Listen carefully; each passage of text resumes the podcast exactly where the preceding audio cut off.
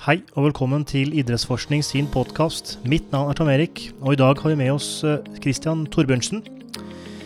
Christian han er eh, fysisk trener ved Rosenborg ballklubb innenfor da fotball. Og i dagens episode snakker vi bl.a. om eh, fysisk trener innenfor fotball, selvsagt. Men også om bruk av GPS som et måling- og styringsverktøy. I tillegg er vi også innom dette med fysisk trening og fysioterapi. Og hvordan det lar seg kombinere, og hvor godt det bør eh, kombineres. Vi har også fått inn ganske mange gode og fine spørsmål fra dere følgere. Og det setter vi umåtelig pris på. Spørsmålene fra dere går på alt fra trening, skader, periodisering og hvordan man trener under korona. Så dette her blir en meget god og innholdsrik episode. Og med det så ønsker jeg deg en god lytting. Velkommen Christian Torbjørnsen til vår podkast. Takk for det. Takk for det. Alt bra i Trondheim, som jeg antar du befinner deg i? Jeg er på plass i Trondheim og begynner å gjøre klart for, eh, for ny preseason. Eh, kaldt og kjølig, men, eh, men i disse tider, tross alt, så skal vi si at vi har det bra. Ikke sant, ikke sant. Ja, er preseason i gang allerede? Når, når er det dere starta med deres eh, forberedelser? Var det allerede 1.1, eller når starta dere? Vi, start, vi, starter med spillerne førstkommende mandag, 18., eh, men, eh, men vi i, i, rundt laget har jobba så smått litt av og på i, i ferien, og så mer systematisk samla nå denne uka her. Ja, ja, riktig. Og eh, du er jo fysisk trener eh, i Rosenborg, eh, men har også hatt roller tidligere som fysioterapeut, eh, ikke sant? Eh, det stemmer bra. Da jeg kom opp hit i, i 2014, så, så, var det primært som fysioterapeut. Um, og, og, og, var fysioterapeut de første årene, fram til det var endringer i teamet av utenomsportslige årsaker i og for seg, hvor jeg begynte å hjelpe til med de oppgavene. Og så sklei det over i at jeg fikk mer og mer ansvar. Um, og de siste årene, med lite opphold under eh, første tiden med Horneland, så, så har jeg vært fysisk trener. Mm, mm.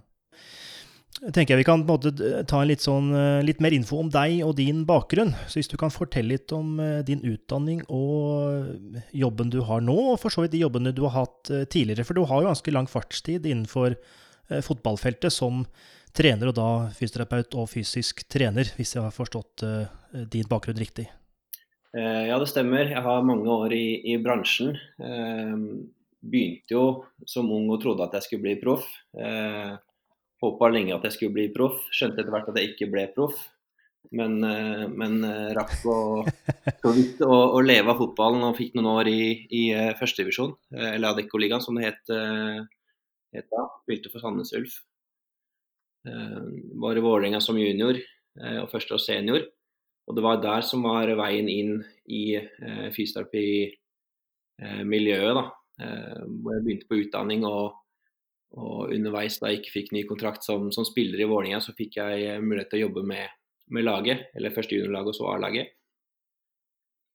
Og så har vi spilt det videre parallelt, men la opp i 2010 for å ha heltidsrolle i Hønefoss. Eh, kombinert rolle med, med, fysio og fysisk trener eh, også der. Før det ble Rosenborg fra, fra 2014. Så det, så det, er, det er jobbhistorien i fotball. Um, utdanningsmessig så, så, var det fysioterapi fra, fra 2000, jeg var ferdig 2003. da. Og så tok jeg en osteopatiutdanning, eh, deltid, som da var femårig. Som nå er eh, den, den, muligheten er ikke der lenger. Nå er det kun bachelor-inngang eh, til osteopatien. Eh, og så har jeg studert eh, treningslære, både treningslære 1, treningslære 2 og et par andre emnestudier ved Høgskolen i Molde. Ja, riktig. Riktig, riktig. Men er det at treningslære 1 og 2 er det relatert til videregående fagene som heter det samme, eller heter det bare treningslære 1 og 2, men som er på et universitetsnivå? Altså det, det, var jo et samarbeid den gang eh, mellom NIH og Molde. Eh, eh, på på en utdanningsforløp som, som senere utviklet seg i en annen retning, da, hvor det ble mer sports eh, eh generell og rettet mot økonomi etter hvert. Men, eh, men, da var det en del like fag som det man hadde på grunnfaget idrett, tror jeg. På, på NIH. da. Det var i hvert fall Espen Tønnesen som var eh, som var sensor på det faget. Og han jobber fortsatt på NIH, tror jeg. Ja, ja, stemmer. OK. Uh, Matthew, you have a question? Yeah. Uh, can, uh, oh, sorry, my audio trace wasn't coming up. Okay, it is now. I, d- I think it's maybe a good time to. Uh, we don't usually do it this early, but it's maybe a good time to introduce one of our followers' questions based on how you just talked about your education uh, background, Christian. Tom Eric, do you think that's okay? Yeah, yeah, yeah. It's uh, perfectly fine. Uh, um, well, I'll I'll I'll ask it. Um, but um, we got a question yesterday when we put our posts out on Instagram and stuff, and it was it seemed to be quite popular, well received question since we've never had nine likes on a comment before, have we, Tom Eric? So that's probably the most interaction we've had.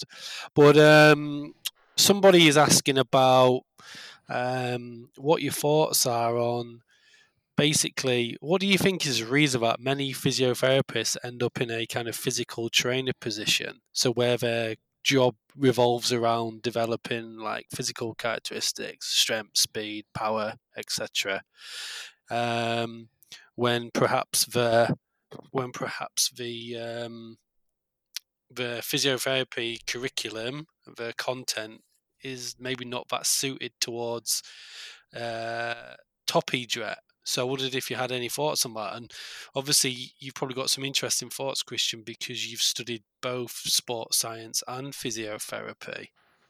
It sound to me, it sounds a little bit like um, I would say I've interpreted this question as a bit of a criticism as um, how poorly perhaps a physiotherapy uh, bachelor might transfer to sport, and it's what I've seen in the UK as well. In the UK, um, physiotherapy doesn't really, it's not really taught towards sport, but more towards health. So, what are your thoughts on that, Christian? Ja, det er, det er et meget godt spørsmål. Og det er, eh, det er selvfølgelig kompleksitet i dette og mange eh, potensielle svar. Eh, Overordna så, så, tenker jeg at eh, det er litt gøy inngang, for det, det fysioene vil jo spørre det samme på de som studerer eh, idrett, i retning av eh, hvorfor kan de trene opp eh, utøvere med skader? For de har ikke den type medisinsk treningslære i sin grunnutdanning. Um, men eh, jeg har aldri irritert meg over det i særlig grad. Fordi eh, for meg så handler ut, grunnutdanningen din handler om å, å lære noe. Eh, du lærer å lære, og du lærer det formelle i en retning. Eksempel fysioterapi. Eh, og så er det litt sånn, For å svare direkte på spørsmålet, så, så tror jeg at grunnen til at det er mange fysioer som eh, kanskje i mindre og mindre grad, men som har, som har, endt opp som fysiske trenere, så er det litt med eh, tilgjengelighet eh, og så er det litt med kompetanse. Fordi eh, man trenger hjelp i fotballsammenheng, så trenger, vil mange lag si at vi trenger å ta vare på de som blir skada. Eh, og, og, da er fysioterapeuten ofte handy, fordi de er på plass og, og kan akkurat det feltet der.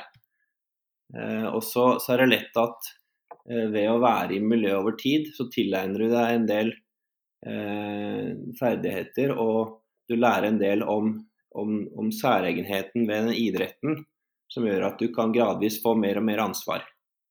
Eh, og, det tror jeg har skjedd eh, i mange sammenhenger. Eh, når det er sagt, så, så, så, tror jeg aldri hadde vært fysisk trener i Rosenborg basert på en fysioterapiutdanning uten alt det andre som, som, som man har tilegnet seg på veien. Eh, trenerkurs, eh, fordypningskurs i, i, i fotballfysiologi. Ulike metodikker for trening. Eh, for, det spesifikke er kjempeviktig, og det gjelder alle idretter. Eh, og Det var litt kult, jeg hørte på podkasten dere har hatt tidligere med Marcella Cruz. Han snakket jo om at mange vil gjerne jobbe på toppen. Men, men du, skal, du, skal ha, du, skal ha, litt erfaring i bånn før du tar på deg de oppgavene. Og, og, og du skal også, det, det gjelder fysioene som er ferske. og sånn Du skal ikke bare ta, ta på deg treneransvar eller fysisk treneransvar eh, basert på at du, at du er fysioterapeut. Eh, men det at du er fysioterapeut, ekskluderer ikke at du kan mye annet. For den, når det står Jeg leste det spørsmålet på, på, på Instagram, og det er jo litt artig, fordi jeg har jo møtt Fordi jeg er fysioterapeut, så, så, har jeg fått en del eh, spørsmål om kan du gjøre den jobben når du er fysioterapeut. Selvfølgelig kan jeg det. Jeg har, jeg har, gått tre år på, på, den skolen der og lært emnet om, eh, om medisinsk inngang på, på ting. Men eh, veldig mange andre år har jeg brukt i fotballen, og jeg har, eh, har kvalifisert meg på andre måter også. Så det, det, er det som er viktig å vite for alle som, som har lyst til å bli, eh, bli, veldig god på noe, at det tar tid. Eh, og det er mange områder som overlapper hverandre, og som forsterker hverandre. Og, og det tror jeg er også en fordel da, for, eh, i skjæringspunktet mellom, eh, mellom å være halvskada og, og, frisk og skulle prestere, så, uh, så, er det alltid noen gråsoner som, som, det å ha, ha, ha, god forståelse av anatomi og fysiologi vil bidra til på en positiv måte. Mm, mm, mm. Absolutt. Og det er absolutt et, et, godt svar. og som du også sier, at det hadde nok vært uh, unaturlig å uh, kun vært fysioterapeut uten den bakgrunnen du har innenfor fotball, og med de ekstra kursene og kompetansen og utdannelsen du har, i tillegg til å forstå uh, ja, hele aspektet med fysisk trening og hvordan kroppen fungerer under skade, etter skade osv. Så, videre. så man får kanskje en mer, mer helhetlig approach til uh, fotballfeltet og den fysiske delen uh, til fot fotballen. Matthew, you had a little response. Yeah, um, I mean that's really good kind of uh, response from Christian, well-rounded response there. I just wanted to say that I get, I get the frustration maybe a sports science student who could maybe argue a strong case that the curriculum in physiotherapy isn't well suited to elite sport. But you've got to look at it another way as well in terms of like the economy of a sports organization. And I've kind of experienced this firsthand back home. If you've got a limited budget um, to spend on sports science and medicine, and I'm not sure about Norwegian football, but uh, in English football, to meet certain funding requirements, you have to have uh, a, ch- a, chartered physiotherapist, so someone who's got the medical professional qualification. And physiotherapy over here is a protected title as well. If you've only got the money to spend on one member of staff, it's it's a, a no-brainer that you're going to spend it on a physio who will also have an interest in strength training as well. So um, I get the frustration, but it's just about understanding, I suppose, the market as well. Like sports science isn't a huge industry over here. And when you're a football club and you're a manager, you're more interested in making sure that assets that you've paid for don't get injured. So if you've only got one member of staff to pay for, which is likely in a lot of clubs, you're going to be you're going to be hiring a physiotherapist who can kind of design strength training anyway.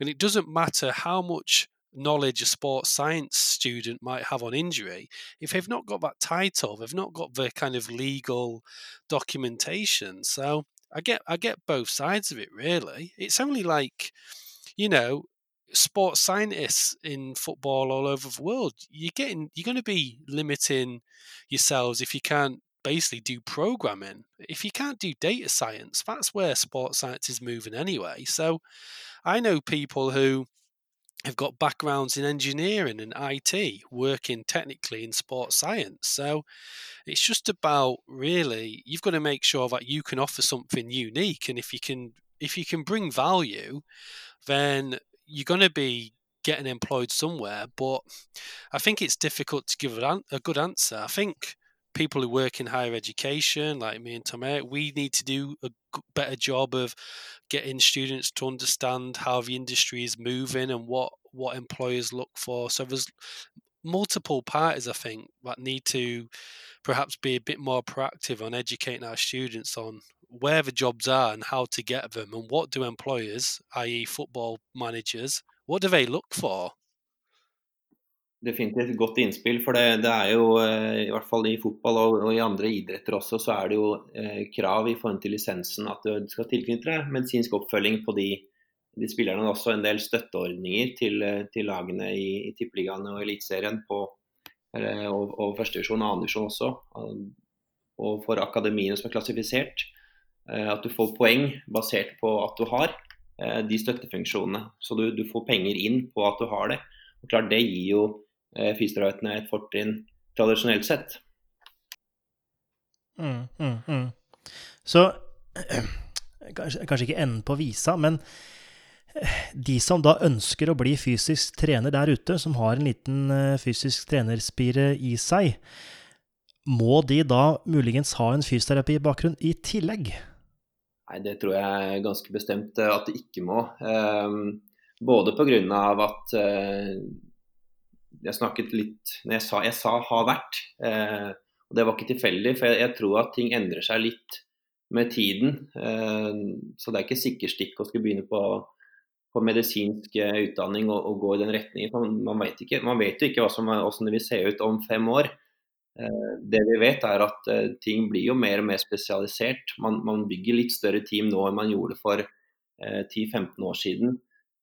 Det er ikke så vanlig lenger at det er fysioterapeuten som gjør som gjør den fysiske treningen. Og det er ikke tilfeldig at jeg nå ikke jobber som fysio, men som fysisk trener. fordi selv om det er bra å kunne om overlappingen, så, så, har du ikke tid til å gi behandling mens du følger opp folk i studio etter trening. Eller, eller, er på møte for å planlegge for de friske, mens du følger opp de som er, eh, har, har, trøbbel. Så, så, det er overlappende roller. Og tror det er viktigere å kunne det du kan godt. Sånn at når du får sjansen, så har du mulighet til å gjøre en god jobb. Eh, og selvfølgelig å komme seg inn i miljøet er også nøkkelen. og det, det er det som var litt av essensen. Ikke at eh, fysioterapeuter har hatt en fordel med å være i miljøet og rekruttert fordi når du er inne og alle spillerne kjenner deg, selvfølgelig så er det naturlig at ok, du kan, og du kan oppgaven. Du er, du er kvalifisert for den oppgaven også. Da kan du få den. Men, men du, altså, du, blir ikke psykolog av å jobbe eller idrettspsykolog av å ha vært i gruppa. Du må ha den utdanninga for det. Mm, mm, mm. Absolutt. Absolutt. Uh, og jeg vet ikke om du hadde mer å si, Matthew, siden hånda di er fortsatt oppe? Ok. uh, og uh, hvordan har egentlig rollen endret seg fra å være mer fysioterapeut til fysisk trener? Altså, vi alle kan jo se for oss at uh, mindre behandling på spillerne og mer trening i treningsstudio eller ute på banen eller hva det måtte være. Er det, er det flere ting som vi kanskje ikke helt vet om, som, som på en måte endre rollen fra det å være fysioterapeut til fysisk trener? Ja, altså Det vil jo være veldig avhengig av kall klubben du er i, budsjettet som, som legger rammene der. og og, og manpoweren som er der. Altså, hvor mange mennesker er det som kan, kan bidra. Eh, og Alle vil jo være best mulig og prøve å, at folk skal jobbe så effektivt som mulig. Eh, så svaret mitt er litt forskjellig nå. Eh, for i høst, da jeg jobba under Åge, eh, og tidligere år. Eh, fordi jeg har hatt forskjellige oppgaver underveis. Eh, og vært mer eller mindre delaktig i planlegging av, av periodisering av trening, eksempelvis. Og så har vi veksla litt på hvor, hvor, vi har satt limiten på oppfølging av spillerne i forhold til eh, Kall det prestasjonsretta trening av det som foregår utenfor banen. Eh, men det, det har jo siste, siste tiden ligget, eh, ligget, mye hos meg. Eh, og så, så, får vi jo nå inn eh, Bygger vi teamet litt større nå inn mot 2021, da. Ja, med, med, Ulrik, antar jeg. Stemmer. Vi har, eh, vi har, eh, vi har hatt eh, ja, Både Ulrik har kommet inn og vil definitivt bidra med, med, kunnskap. Med han så har vi en link hvor vi mest sannsynlig får støtte fra, fra, fra studenter og prøve å knytte enda bedre tilknytning med fagmiljøet på NTNU. og, og har da eh, studenter som, som, vil kunne hjelpe oss med å gjøre oppgaver, men også til vi til gjengjeld få, eh, få innblikk og mulighet til å skrive sine fordypningsoppgaver om eh, eller direkte på materialet fra Rosenborg. Eh, og, så, har vi i tillegg så har vi hatt eh, utskiftninger i det medisinske apparatet vårt. Eh, så vi har to nye, eh, nye på plass der. Så det gjør at teamet er eh, ganske fresht nå. og vi har liksom, Det er litt det vi har jobba med denne uka her også. Å få, få klargjort ansvarsområder og hva vi skal prioritere, og, og hvordan vi skal jobbe da inn, inn, i året som kommer, da. Eller som vi allerede er i gang med. Mm, mm, mm. Og, for de av dere som hører på som ikke vet hvem Ulrik er, så er det Ulrik Wisløff som er professor i, på NTNU innenfor bevegelsesvitenskap, hvis jeg husker riktig.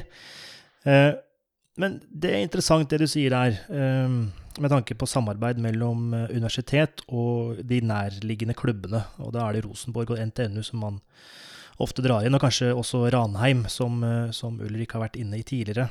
I hvert fall slik jeg har forstått. Den koblingen har vel eksistert før? Og hvorfor har, eller slik jeg forsto deg nå, har det samarbeidet ikke vært til stede alltid? Og i så fall, hvorfor ikke? Uh, nei, det Jeg har ikke noe kjempegodt svar på hvorfor det ikke har vært så mye samarbeid med, med, med Ulrik og Ranheim og, og sånn siste årene. Men det er jo, det er litt sånn at uh, tradisjonelt sett så har uh, Rosenborg vært det hovedlokomotivet i, i, i Trøndelag med veldig mange ganske jevngode klubber eh, i, i annendivisjon som, som de har gitt litt støtte til. Eh, og til gjengjeld også fått de spillerne som er kanskje mest lovende. Så har Ranheim gjort det hakket bedre enn de andre da, og blitt såpass gode at de, var, eh, de har vært oppe i Eliteserien eh, flere år nå. og da, da, da, er det en ganske kraftig konkurrent. da, Så det, det blir litt vanskeligere å skulle samarbeide. Mm. Jeg tenkte nå på samarbeidet mellom NTNU som skole eh, og en institusjon, og eh, eh, klubber da i nærheten. Ikke klubber mellom seg, det skjønner jeg at det Der vil man kanskje være kompetative mot hverandre. Men jeg tenker på, som du tenker, bruke studenter som ressurs, som kan skrive samle inn data hos dere, enten det er på A-laget på herresiden eller på kvinnesiden, eller hva det måtte være. At det, det er den eh, symbiosen eh, som skjer da, i, i, samfunnet. Ja, den, eh, og den, jeg, jeg, jeg, tror ikke jeg vil gå for mye inn på hvorfor det ikke har vært, for det, det er ikke så viktig. Det viktigste er at det, det nå, nå, nå, prøver vi å komme i gang med det, og, og prøver å se på om vi kan utnytte det best mulig for, for alle parter. Vi ønsker at de som er med oss eh, skal få godt innblikk, skal få føle at de, de opplever og lærer ting. Eh, men at de samtidig kan hjelpe oss på en bra måte, så vi også kan få, få mer velfungerende team. Da. Ja, ja, absolutt. Og jeg tror vi har et spørsmål i sammenheng med Ulrik Wisløff sin uh, ansettelse. Uh, og spørsmålet kommer fra Magnus Haugan. Uh, hvordan blir rollefordelingen nå når Ulrik Wisløff er kommet inn? Hvordan skal han fungere? Altså, han tipper jeg vil fungere sånn som uh, han alltid gjør, med, med masse engasjement og med, med, med bra kunnskapsbase og, og nettverk. Uh, men han, han, har jo en 20 hvor han uh, vil hele tiden komme inn med friske øyne. og det er nyttig for oss som er der hver dag. han vil være til stede på ukentlige møter, og tipper jeg så vil han være der mer, mer enn en den 20 også. men det, det, får vi se på. Men uh, vi har eh, en, en rekke egentlig prosjekter som, som, vi starter opp, og som, som han måtte drar katalysator på, og som jeg tipper at uh, vi som er her hver dag, må passe på at fungerer så optimalt som mulig. Um, og, så, så, ansvaret jeg vil si ansvaret er jo å få best mulig lag. Og og jeg er på plass som fysisk trener og, og vil utføre eh, det daglige arbeidet. Eh, mens Ulrik vil ha eh, et overordna eh, oppsyn med det som skjer, og, eh, og også god kontroll da, eh, ved å, ved, å, være hands on på, på det som skjer. Absolutt, absolutt. Uh, Matthew? So Christian, this link you you've talked about with a with an academic, is that is that um, pretty unique over here? Do you recommend that more football clubs have a greater link with with universities? What's your general thoughts on how well um, research and researchers in Norway uh, link up with practice over here? Jeg tror at det er, eh, er, en bra ting. Det har vel ikke vært eh, Det er ikke voldsomt utbredt. Det er, de har kommet langt i Sogndal, de har kommet langt i Tromsø. Eh, det er i hvert fall De er sikre på at de har jobba godt i mange år. Mens, mens andre har jo hatt litt kortere perioder med av og på prosjekter. Men jeg tror at over tid så er det nyttig, da å, å se på eh, synergieffekten av å jobbe sammen. Det, det vil jo være nyttig for, eh, for klubbene, som jeg nevnte i stad, å å få litt eh, hjelp med oppgaver som, som, som krever manpower. Eh, mens, eh, mens eh, for de som kommer inn, så er det en kjempemulighet til å få praktisk erfaring da, med komme inn i et miljø, se hvordan ting fungerer. Um, og, og, skrive og få tilgang til tallmateriale som kanskje ikke alle andre får. Um, det, det, vil jo være en, en, veldig god effekt så, som vi ser positivt på, på, akkurat nå. Så jeg tror at det vil være uh, Det vil øke uh, rundt omkring. Ja, ja. Og du har jo også vært i utenlandske klubber eh, på besøk til både Manchester United og Bayern München og Hertha Berlin og med, med, med flere. Eh, er eh, den linken som Matthew nevner, sterkere i utlandet enn i Norge, eller begynner Norge å på en måte catch up, eller har de vært i front hele tiden? Det vet jeg for så vidt ikke. Ja, det, det, blir jo veldig rundt svar, da, for der har man veldig strukturen på utdanning og Eh, struktur på ligaene og oppbygging av det proffe, profesjonelle lagene er veldig forskjellig fra land til land. Og forskjellig i Spania for sammenlignet med England f.eks. Mm. Så, så det å, å, svare ja og nei, det, det, det går ikke. Men, men, det er nok mange, mange eh, som har kommet lenger enn oss i forhold til å særlig ha internship i perioder. Med, med, med, særlig på spesifikke roller da, på, på, på Eh, jeg har jo flere venner og kollegaer som, som har tatt utdanning f.eks. i Liverpool på, på, John Moores der. Som har vært og hatt praksis underveis i ulike klubber. Eh, og der er jo ikke Jeg vil ikke si vi er langt fremme i Norge der. Eh, det er vi ikke. Så har vi kanskje ikke en kultur hvor vi er eh, veldig det, det, er ikke så ofte at de får forespørsler om kan vi få komme og være med dere en periode. Eh, det tror jeg er mer vanlig i utlandet enn det er i, i, norsk, i norske sammenheng. Er man da litt mer eh, spisse albuer og frampå da i utlandet enn vi nordmenn er, kanskje? Altså, det blir jo Mitt inntrykk av det er at eh, ja. Altså, i, i, noen kulturer så er det veldig verdsatt å tørre å stikke fram huet og, og by på seg sjøl, mens i Norge så er det litt sånn det er ikke tilfeldig at man snakker om jantelov i Norge, da. Det, det er det jo ikke. Nei, det er helt sant. Det er vel denne egalitære eh, tankegangen Norge har, som eh, både er negativ og kanskje også, og, og positiv, selvfølgelig. Uh, Matthew, you had a response? Yeah, I just I don't know if it's if it's possible to kind of Uh, generalize to countries. I think it depends on the clubs, really.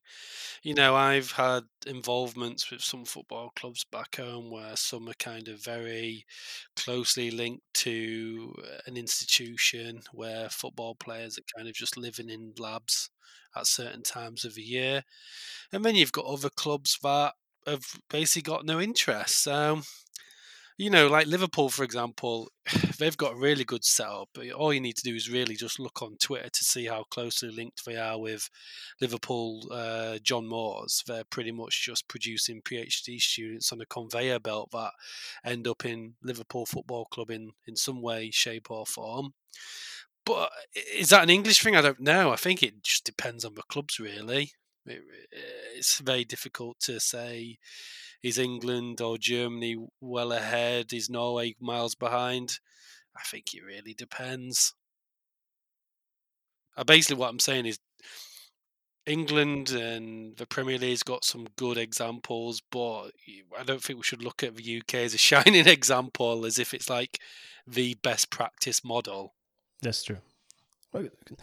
Kommer nok ned til også ressurser, økonomi og antall folk i landet eh, også tror jeg er en faktor. Eh, I samme artikkel, altså samme VG-artikkel eh, om ansettelsen av Ulrik Wisløff, så står det noe om tidligere trener Eirik Hornland, som valgte å kutte ut datamålinger på løping, altså GPS, antar jeg Eh, fordi han klarer å se om de løper nok. Og så er jo dette media, så det er ikke sikkert alt stemmer i denne artikkelen. Men øh, Og du nevnte jo litt i starten um, om katapult. Um, og hva er dine uh, tanker rundt GPS? Er det vitsig? og var du enig i da Horneland tok avgjørelsen av å ikke bruke disse dataene til å tracke antall sprinter, eller hvor langt man har løpt, osv.? Altså For å begynne med, med, med da Eirik og, og, og, Ember kom inn, Emberland, eh, så, jeg veit ikke om de digger den sitatet som, de, som blir stående om at de ser, de ser, det, så trenger ikke data. Jeg vet ikke om det nødvendigvis var det som var essensen heller. Um, og så når, når sannheten skal på bordet, så, så var, jo, eh, var, jo, de fortsatt her. Da vi, da vi begynte altså i 2020 å prøve å finne noe Eh, noe tracking, noe måleverktøy som, som var bedre enn en det vi hadde før. Eh, vi har jobba i Rosenborg tidligere med ZXY, eh, som, var, som er et, et, bra system. I hvert fall i forhold til presisjon. Men de var ikke fornøyd med hvordan det ble brukt, så de sa at sånn som det blir brukt nå, vil vi ikke bruke det så gikk da den, den 2019-sesongen, og, og, og, tanken eh, modnet litt. Og der jeg, jeg fikk i oppgave i hvert fall i starten av 2020 å se på hvilke system vi kunne benytte for å gjøre dette på en bedre måte. Og vi endte opp med å, å gå for katapult fra eh, Ja, det ble litt forsinka pga. korona, men vi, vi, når sesongen var i gang 2020, så, så, så var også katapult i gang i, i Rosenborg. Så vi har, eh, vi har etablert eh, målinger uh, i hele, hele tiden uh, Hele sesongen 2020, da. Som var en veldig, veldig spesiell sesong, vel å merke. Men, men, vi har tallet både på trening og kamp. Og så skal det også sies at vi har tallmateriale for hjemmekampene med ZXU ble tracka også i 2019. Det var ikke sånn at vi ikke ville ha tall, punktum. Det, det var litt mer nyansert enn så. Men men klart det, det selger ikke like bra forsida da, hvis det, hvis det, står at det vurderer hvordan vi skal bruke tallene. Ja, ikke sant. Men, men hva er det Katapult har som ikke ZXY har? Um, det, vi har det vi har mulighet til, er å mye kjappere å, å gjøre endringer på det som er eh, hvordan vi anvender tallene. Eh, for, for, programmering er jo en vesentlig sak. Altså, tall er tall, men det viktigste er jo altså, det kvalitative fotball. Er kvalitativt spill mer enn kvantitativ. Sånn som de fleste vil kunne si at i en situasjon eh, så, så er hva du gjør med og uten ball, er viktigere enn eh, en at du klarer å gjøre det 100 ganger i løpet av en kamp. Eh, så den ene situasjonen som til hver tid er der, er viktigere enn de tallene du kan plukke fra hverandre og si at sånn er kampen. Um, og, det, og, det, må vi aldri glemme, at, at vi må begynne med fotballen. Og så, og så kan tallmaterialet hjelpe oss til, til, å, til å, ha eh, fitte spillere, til å, til å eh, trene så vi blir sterkere, raskere, eh, prestere bedre og mindre skade. Det, det, må jo være målet. Men vi kan ikke begynne med at ja, vi har så og så mye tall og det skal, det skal bli mye, mye bedre. For det er ikke alltid at mer er bedre. Ehm, så, så, så, da må vi, vi må begynne med hva er det hovedtreneren vil. Og det er litt vesentlig i, i fotball, for det, er vært til hovedtreneren som står ansvarlig. og Det er, det er de som ryker først, som regel. Klart Hvis, hvis vi gjør en veldig dårlig jobb under, så ryker vi på veien. Men, eh, men, men eh, i forhold til ansvarsfordeling, hvis laget ikke presterer, så, så, er det ofte treneren som får skylda. Og da, eh, da må vi jobbe på den måten som, som klubben og treneren ønsker. Eh, og, og, derfor er det ikke sånn når, når klubben ikke ville ha ZXY, så, så, kan jeg mene akkurat hva jeg vil om det, men jeg må være lojal mot klubben. Sånn, så, men på et system så, så, har vi nå muligheten til å eh, hvis, hvis, hvis, Åge vil ha så og så mange aksjoner, så kan vi se på det. Eh, hvis, han, hvis, han, vil ha noe annet, hvis han vil ha hvor mange aksjoner per tidsenhet eller i løpet av ett minutt eller fem minutter eller et kvarter, eh, så har vi mulighet til å finne ut det ganske kjapt. Eh, det er vanskeligere i ZXY-systemet. Du får det til i det systemet også, men det tar mye mer programmering. Så i forhold til eh, manpoweren som kan eh, programmere og hente ut tallene, så er det mye lettere. Mm, ja, og det er jo en viktig, viktig faktor at uh, hva heter det, brukergrensesnittet er, er, er, godt, ellers så blir det tungt. Og når, når, ting er tungt og tungvint, så går man gjerne vekk fra det. Det kjenner meg godt igjen. Men er det fra å være under eh, Eirik til å være under Åge, er det noe Åge krever som Eirik ikke krevde, og har dette da endret ditt arbeid med dine spillere? Eller er det eh, hverdagen går som tidligere når det gjelder den fysiske treningen?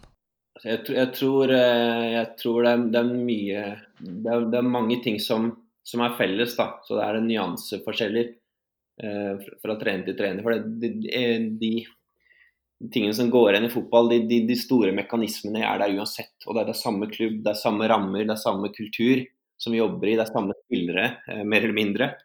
Og så er det klart hvilke oppgaver som man vil at du skal løse, er ganske vesentlig. Men akkurat med Eirik og, og, Vi hadde jo også mellom der da, Trond Henriksen. Eh, i, i, en eh, periode. Så, så, eh, men ansvarsområdene mine var stort sett de samme. Og det er tross alt Vi snakker om 2020-sesongen. Så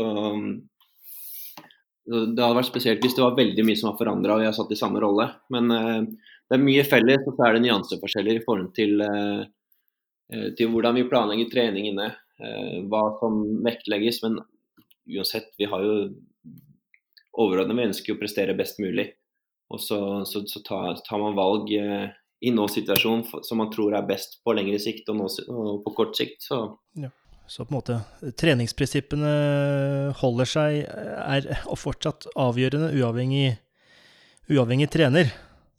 Ja, så var det også kanskje si. veldig Ja, men det er heller ikke riktig, fordi du har forskjellig treningsfilosofi. da, du kan ha, du kan, Og du kan ha helt forskjellig eh, treningsmodell. Eh, jeg har jobbet under trenere som har hatt en kallet taktisk periodisering. Hvor, eh, hvor, man har hatt en plan hvor den fysiske treningen har vært veldig godt eh, integrert i la oss si det taktiske konseptet. Hvor, hvor, det at du på enkelte dager skal ha, skal ha kontringsspill, så linkes det opp med når vi skal ha den type intensitet i treningen, den fysiske treningen. Mens vi andre dager kan ha lavere belastning, skal ha etablert angrep. Eh, noen dager skal vi ha lengre pause, vi skal ha maks intensitet. Og så øvelsene og det taktiske konseptet går hånd i hånd. Mens andre okay. har mer sånn Verheyen-inngang, eh, hvor du har, har, en periodisert inngang hvor du trener ulike aspekter av fotballprestasjon på ulike dager. Mm, mm. Mens andre har mer sånn vi, vi spiller eh, fotball, så varierer vi bare hvordan vi bygger opp dagene. Så det, det, det kan være forskjellig filosofi, og der, der har det jo vært eh, forskjellig fra, fra Kåre til, eh, til, eh, til, Trond og til Åge. Og med den erfaringa, hvilken filosofi er det du eh, måtte fungerer best. Det blir vanskelig, for det er avhengig av gruppe og individnivå den som er, og, og, og spillestil som hovedtrener ønsker. Men det, hvilken filosofi er det du har, i så fall? Uh, det, er litt tricky å svare på, fordi, uh, fordi jeg tror at en av grunnene til at jeg har uh, vært med så lenge som jeg har, da, det, er jo at jeg har vært, hatt mulighet til å adaptere. jeg jeg syns at det er litt for mange, særlig ferske, fysiske trenere som ikke får kalle vilja si på filosofi, som da tar kamper som kanskje ikke er nødvendig. Um, fordi, men det kommer an på hvordan vi ser rollen. Hvis, hvis rollen er å, å, å, få, å få en, en, en, filosofi på fysisk trening, så, så, er det OK. Men stort sett så er, er, rollen din å støtte hovedtreneren så det fysiske er best mulig på plass i forhold til spillestilen. Uh, og så lenge I hvert fall det er det jeg tenker, da, når, som gjør at jeg kan adaptere i forhold til hvordan, hvordan skal jeg få spilleren til å levere best mulig i forhold til hvordan vil Åge spille, hvordan ville, eh, ville Kåre spille sin tid. Eh, så har de overordna tanker, og som jeg sa i stad, hvis de kommer en onsdag og sier at nei, jeg tror det beste i dag er å gjøre det og det og det, eh, så blir det gærent at jeg sier nei, på planen så står det noe annet.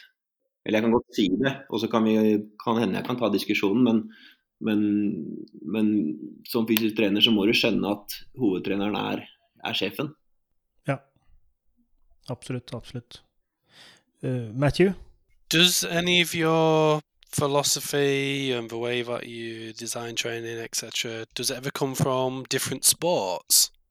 Um, ja, det er et interessant spørsmål. Um, jeg, jeg nevnte i stad at jeg er veldig opptatt av å starte med, med fotball uh, og se spesifisiteten i fotball. og Den har jeg med meg i forhold til uh, Uansett spillestil, så, så, så er det, det er fotball vi spiller. Og, og jeg tar utgangspunkt i den når jeg doserer ekstra eller mindre i forhold til det laget skal trene på de ulike spillerne. Eh, og når vi legger opp eh, påvirkning i, i, i gymmen, så, så, er det fotball vi tar som utgangspunkt. Eh, når det er sagt, så, så, er det mulig å hente inspirasjon fra andre idretter. Og da, mens jeg husker det, så må jeg ta det med en gang, er det kjempeviktig at man tar prinsippene fra den idretten og anvender til den idretten man skal trene i. At man ikke tar, kopierer det de gjør. Hvis vi skal ta Ja, At det passer inn i fotballkonteksten, tenker du på? altså hvis vi skal eh, Hvis vi hører at eh, 100-meter, altså sprinterne, at de tar La oss si de tar eh, ett minutt pause per sekund i aksjon. Dvs. Si at de har ti minutter mellom hver 100 meter da, når de trener maks. Eh, hvis vi tenker at ja, det er lurt for oss, eh, så mister vi ganske mye øving med ball og relasjonelt. Mm, ja. Eh, mens, og samme med hvis vi tenker at, at utholdenhetsutøvere de gjør sånn og sånn og sånn, da må vi også holde på i fire og en halv time i myra. Eh, så gjør det noe med muskelfibrene våre som ikke er bra. Selv om det er eh, isolert sett bra for utholdenheten, eh, hvis du måler det på spesifikt nok utholdenhetsparameter. Det vi kan gjøre, er, er, å ta prinsippene fra sprint og se ok, de har gode nok pauser til at de kan få hvert fall fylt opp kreatinfosfatlagene nok til å ha eh, tilnærma maks en gang til. Ok, da, da, har, da, har, vi av og til så har vi treningsøkter hvor vi har gode nok pauser og sikrer at vi har maksfart til det vi gjør. Da har vi tatt prinsippet fra sprint inn i fotballen. Det er nyttig. Absolutt. absolutt. Jeg er helt, helt enig. Um, og det, Da er vi på en måte litt inne på dette med trening, og vi har fått inn en del spørsmål når det gjelder trening. Uh, og jeg syns det var interessant dette med det å ta noe fra én idrett som kanskje er generelt, og som kanskje ikke helt passer til fotball um, Og det Jeg skal ikke si det har skjedd tidligere, men eh, fire ganger fire har jo vært, og er kanskje like populært fortsatt, det, det veit jeg ikke, jeg får kanskje ikke inntrykk av det. Men det er iallfall en del spørsmål rundt dette med utholdenhet. Og et av spørsmålene er jo da dette er fire ganger fire-intervaller anbefalt, eller er det noe alle tror er bra? Altså, det er viktig å huske at, uh, at det er mange veier da, til, til Rom. Uh, og det er mange veier til å bli god, det er mange veier, til å sette sammen et lag, og enda flere veier til å, å lage enkeltindivider litt bedre. og Hvis du løper fire ganger fire, så må jo formålet være at du skal ha øke utholdenheten, utholdenheten din litt i forhold til hva den har pleid å være. Og så, så er spørsmålet er det nyttig i fotballsammenheng. Um, og, og, ja, det kan det være. Um, du kan bli Du kan få veldig god kapasitet på fotballbanen ved å gjøre, ha 4x4 med i programmet ditt. Og du kan bli god uten å ha det med i programmet ditt. Altså bare for å sette deg litt på spissen. Um, og så, men, men, spørsmålet er hvorfor vil du gjøre det? Hva er det Hver enkelt må jo ha en plan. Uh, og det kan være forskjellig på en på 14 år og en på 30 år. Um, generelt sett så, så det å, å, å, heve kapasiteten kan være nyttig. Um, og fire ganger fire altså Nå har vi jo fått Ulrik inn i teamet, da, som og NTNU har jo en særs uh, historikk i forhold til 4x4 og har uh, fått mye, uh, og også velfortjent, skryt for den forskningen som er gjort på den type intervaller. For vi vet at det er en veldig fin måte å, å angripe de altså sentrale faktorene. Få god fylling av hjertet, og det trenger du hvis du skal påvirke sentrale årsaken til utholdenhet. Over tid. Og så vet man at i forhold til å, å, å, skape en forståelse, så har det vært kjempenyttig å si at fire minutter for å bruke kanskje et minutt for å få maksimal fylling av hjertet, så må du holde det der en stund før du tar en ny pause. Og så vet man at uh, selv for uh, hjertepasienter så er det mulig å trene med den type intensitet, selvfølgelig ut fra sin kapasitet, uh, i fire ganger fire minutter, flere ganger i uken, og du får god fremgang på utholdenhet. Eh, de prinsippene kan du selvfølgelig også gjøre på eh, toppidrettsutøvere, men så ser man i praksis at det er forskjell på eh, forskning og å etablere trening over tid. Noen liker å holde seg på 4x4 i faste blokker. Andre liker å, å eksperimentere litt mer med, med, med pausene og intensiteten og varigheten enn det. Eh, og hvis man går rundt både i fotball og i andre idretter, så, så vil, tror jeg du ser både fem ganger fire, seks ganger fire, seks ganger tre, eh, ti ganger én, ti ganger én ganger to. Altså det er veldig mange muligheter å variere med variablene for å påvirke eh, utholdenheten. Da. Og så handler det om den forståelsen. Eh, hvis du ikke har forståelsen, så er det en fin måte å begynne. Du kan godt begynne med fire ganger fire. Men hvis vi skal gå tilbake til fotball, da, så, så, er jo veldig mange av de aksjonene som skiller de gode fra de, eh, de, som er litt dårligere, og de som er amatører og de som er ordentlig dårlige, det er jo intensiteten i det som skjer. Eh, så man sier jo at det arobe systemet er kanskje ikke så avgjørende som man har tenkt tidligere. Eh, man, jobber, man jobber med fosfatsystemet, og så er det A-ropet med hele veien på å passe på at fosfatsystemet fyller seg på fort nok til å kunne holde intensiteten i spillet.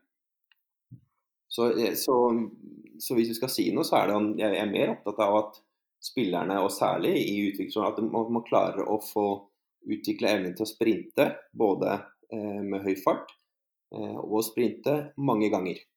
Det er viktigere enn, å, enn å, løpe mye på mølle. Men å på, men å løpe på mølle kan også være OK for, for, å adressere kapasiteten. Og det kan være en trygg måte å, å, å, angripe kapasiteten når du ikke tør å spille mer fotball fordi du er redd for å bli skada. Så det, det, selvfølgelig er det en mulighet, men, men, det er ikke eneste inngangen, da, vil jeg si. Nei, absolutt. Absolutt. Og det er jo øh, også et spørsmål fra samme person. Øh, og det går litt på om ja, hva den mest effektive og anbefalte løpetreningen for fotballspillere er. Og da tenker han på rent løpsmessig utenom spill i fotballtreningene. Og jeg har lyst til å slenge på et spørsmål til der. er Hvor mye utholdenhet, eller hvor mye jobber du med utholdenheten uten ball? Oh, den, er, den, er, tricky, vet for det, det man kan ikke svare uten kontekst, uh, eh, syns jeg. da. Uh, det er i hvert fall mye lettere å svare med en kontekst. Fordi man kan ta en spiller og si at han trenger mer utholdenhet. Mens du har det noen som, som vil si at har kapasiteten, men som, uh, uh, men som ikke leverer det han skal i kamp. og det, og det er der jeg mener at du må begynne med fotballen. fordi er, det, er, det, evnen til å, til å holde kampen som du, du, mener med kapasitet? Er det evnen til å ha mange aksjoner i løpet av en periode? Eh, eller er det å klare å ha høyt nok tempo i spillet sitt? Altså, trenger, trenger du lengre pauser mellom hver aksjon? Eller klare å holde samme intensiteten i alle aksjonene? Og klare å holde antall aksjoner oppe hele tiden? Det, det er ulike parametere å påvirke. Eh, og fire ganger fire er ikke svaret nødvendigvis på alle, men det kan hjelpe på noen av dem. Og så, så, er det litt sånn at du kan trene med så mye kapasitet du vil, men hvis du ikke spiller to ganger 45 minutter fotball, så kan det hende at det er vanskelig å få den siste ti minutteren like intensiv som den første. Fordi og så spesifikt er det. Og så er det jo Det handler jo også om å, å, å du, du, har en rolle i laget. Eh, hvor det ikke nødvendigvis er å løpe mest mulig, men å løpe riktig. Og ha intensitet når du trenger det. Altså, det vi kan jo ha midtstoppere som, som, går av banen uten å være helt i kjelleren. Eh, men de må evne å spurte. Uansett om det er 92-93 minutter, så må de kunne spurte maks hvis det er kontring imot og vi står høyt. Da er vi tilbake igjen etter litt uh, teknisk trøbbel. Og jeg skulle begynne på et spørsmål. Og eh, spørsmålet er vel egentlig noe jeg har lurt på eh, ganske lenge eh, hos de som er praktikanter, og de som da faktisk utøver et yrke. Og Det har med forskning versus det praktiske feltet. Har du noen gang opplevd, og det har du sikkert, at det du leser i en bok eller i en artikkel eller hører fra en fagperson, så tenker du, vet du hva, det du sier der, det kommer ikke til å Eh, fungere på min spillergruppe eller i min idrett eller lignende. Har du noen sånne opplevelser? Eh, både ja og, og nei, eh, i den form av at eh, når, vi, når vi, vi, jobber hele tiden med å prøve å optimalisere ting, eh, og da prøver man hele tida å være i forkant av utviklingen, eh, samtidig som man, man bruker erfaringer som man har opparbeida seg, og Ehm, og, og den, den, kulturen du, du, lever i der og da, den, den er viktig i utgangspunktet eh, for oss da, i fotballaget Rosenborg. Så, så, er det masse vi, vi prøver å pushe. Eh, små detaljer, eh, større bilde, hvor, hvor, vi ønsker å bli bedre. Og der, der kan forskningen hjelpe oss, og, og forskningen skal på en måte verifisere at de tingene vi gjør, virker. Og så er det veldig viktig for oss å huske at Eh, at forskning handler om å standardisere ganske mange variabler, sånn at, eh, sånn at man kan bevise at det er akkurat den variabelen man jobber med, som er avgjørende for utfallet. Eh, slik er det ikke nødvendigvis i, i virkeligheten. Derimot så, så må vi hente ut essensen i forskningen, og det gjør vi Eh, nærmest hele tiden. Eh, men det er vanskelig å skille mellom hva er eh, etter hvert erfaringsbasert, hva er forskning, og hva er nyeste forskning. For det er veldig sjelden at, at man får helt sånn ordentlig game changers på at du legger om hele måten å jobbe på basert på en forskningsartikkel. Det, det er veldig sjelden. Og de gangene man gjør det, så, så er det ikke sikkert man er veldig fornøyd etterpå. Eh, for, for noe, noe, av, det som er utfordringen med å gjøre noe og oppnå suksess, eh, det er jo å klare å ha gjennomføringskraft på det man gjør. At, man, eh, man, gjør noe med kvalitet over tid. Da klarer man kanskje å bygge nok lag på, på det man driver med. Hvis man, hvis man skifter hele tiden mellom ulike retninger, så er det vanskeligere å få eh, ordentlig gjennomføringskraft både eh, i, i, kulturen som du skal etablere og ønsker å gjøre, og på effekten av det du prøver å gjøre over tid. For det er jo forsterkende at noe som er veldig bra, og gjerne verifisert gjennom forskning, blir solgt inn og eh, tatt imot av spillergruppa og teamet rundt, og vi er enige om at sånn gjør vi det. Det er et stykke derfra til at eh, man har etablert det som en god vane eh, og gjør det eh, automatisk over tid, og at nye som kommer inn i gruppa, eh, prøver å gjøre det samme. Men, men, det er en måte hvor forskning Av og til så, så hjelper oss i en retning, men så går det en periode, og så dytter den oss i egentlig motsatt retning. Så det handler om å sjonglere eh, det på en god måte hele veien. Mm, mm, mm.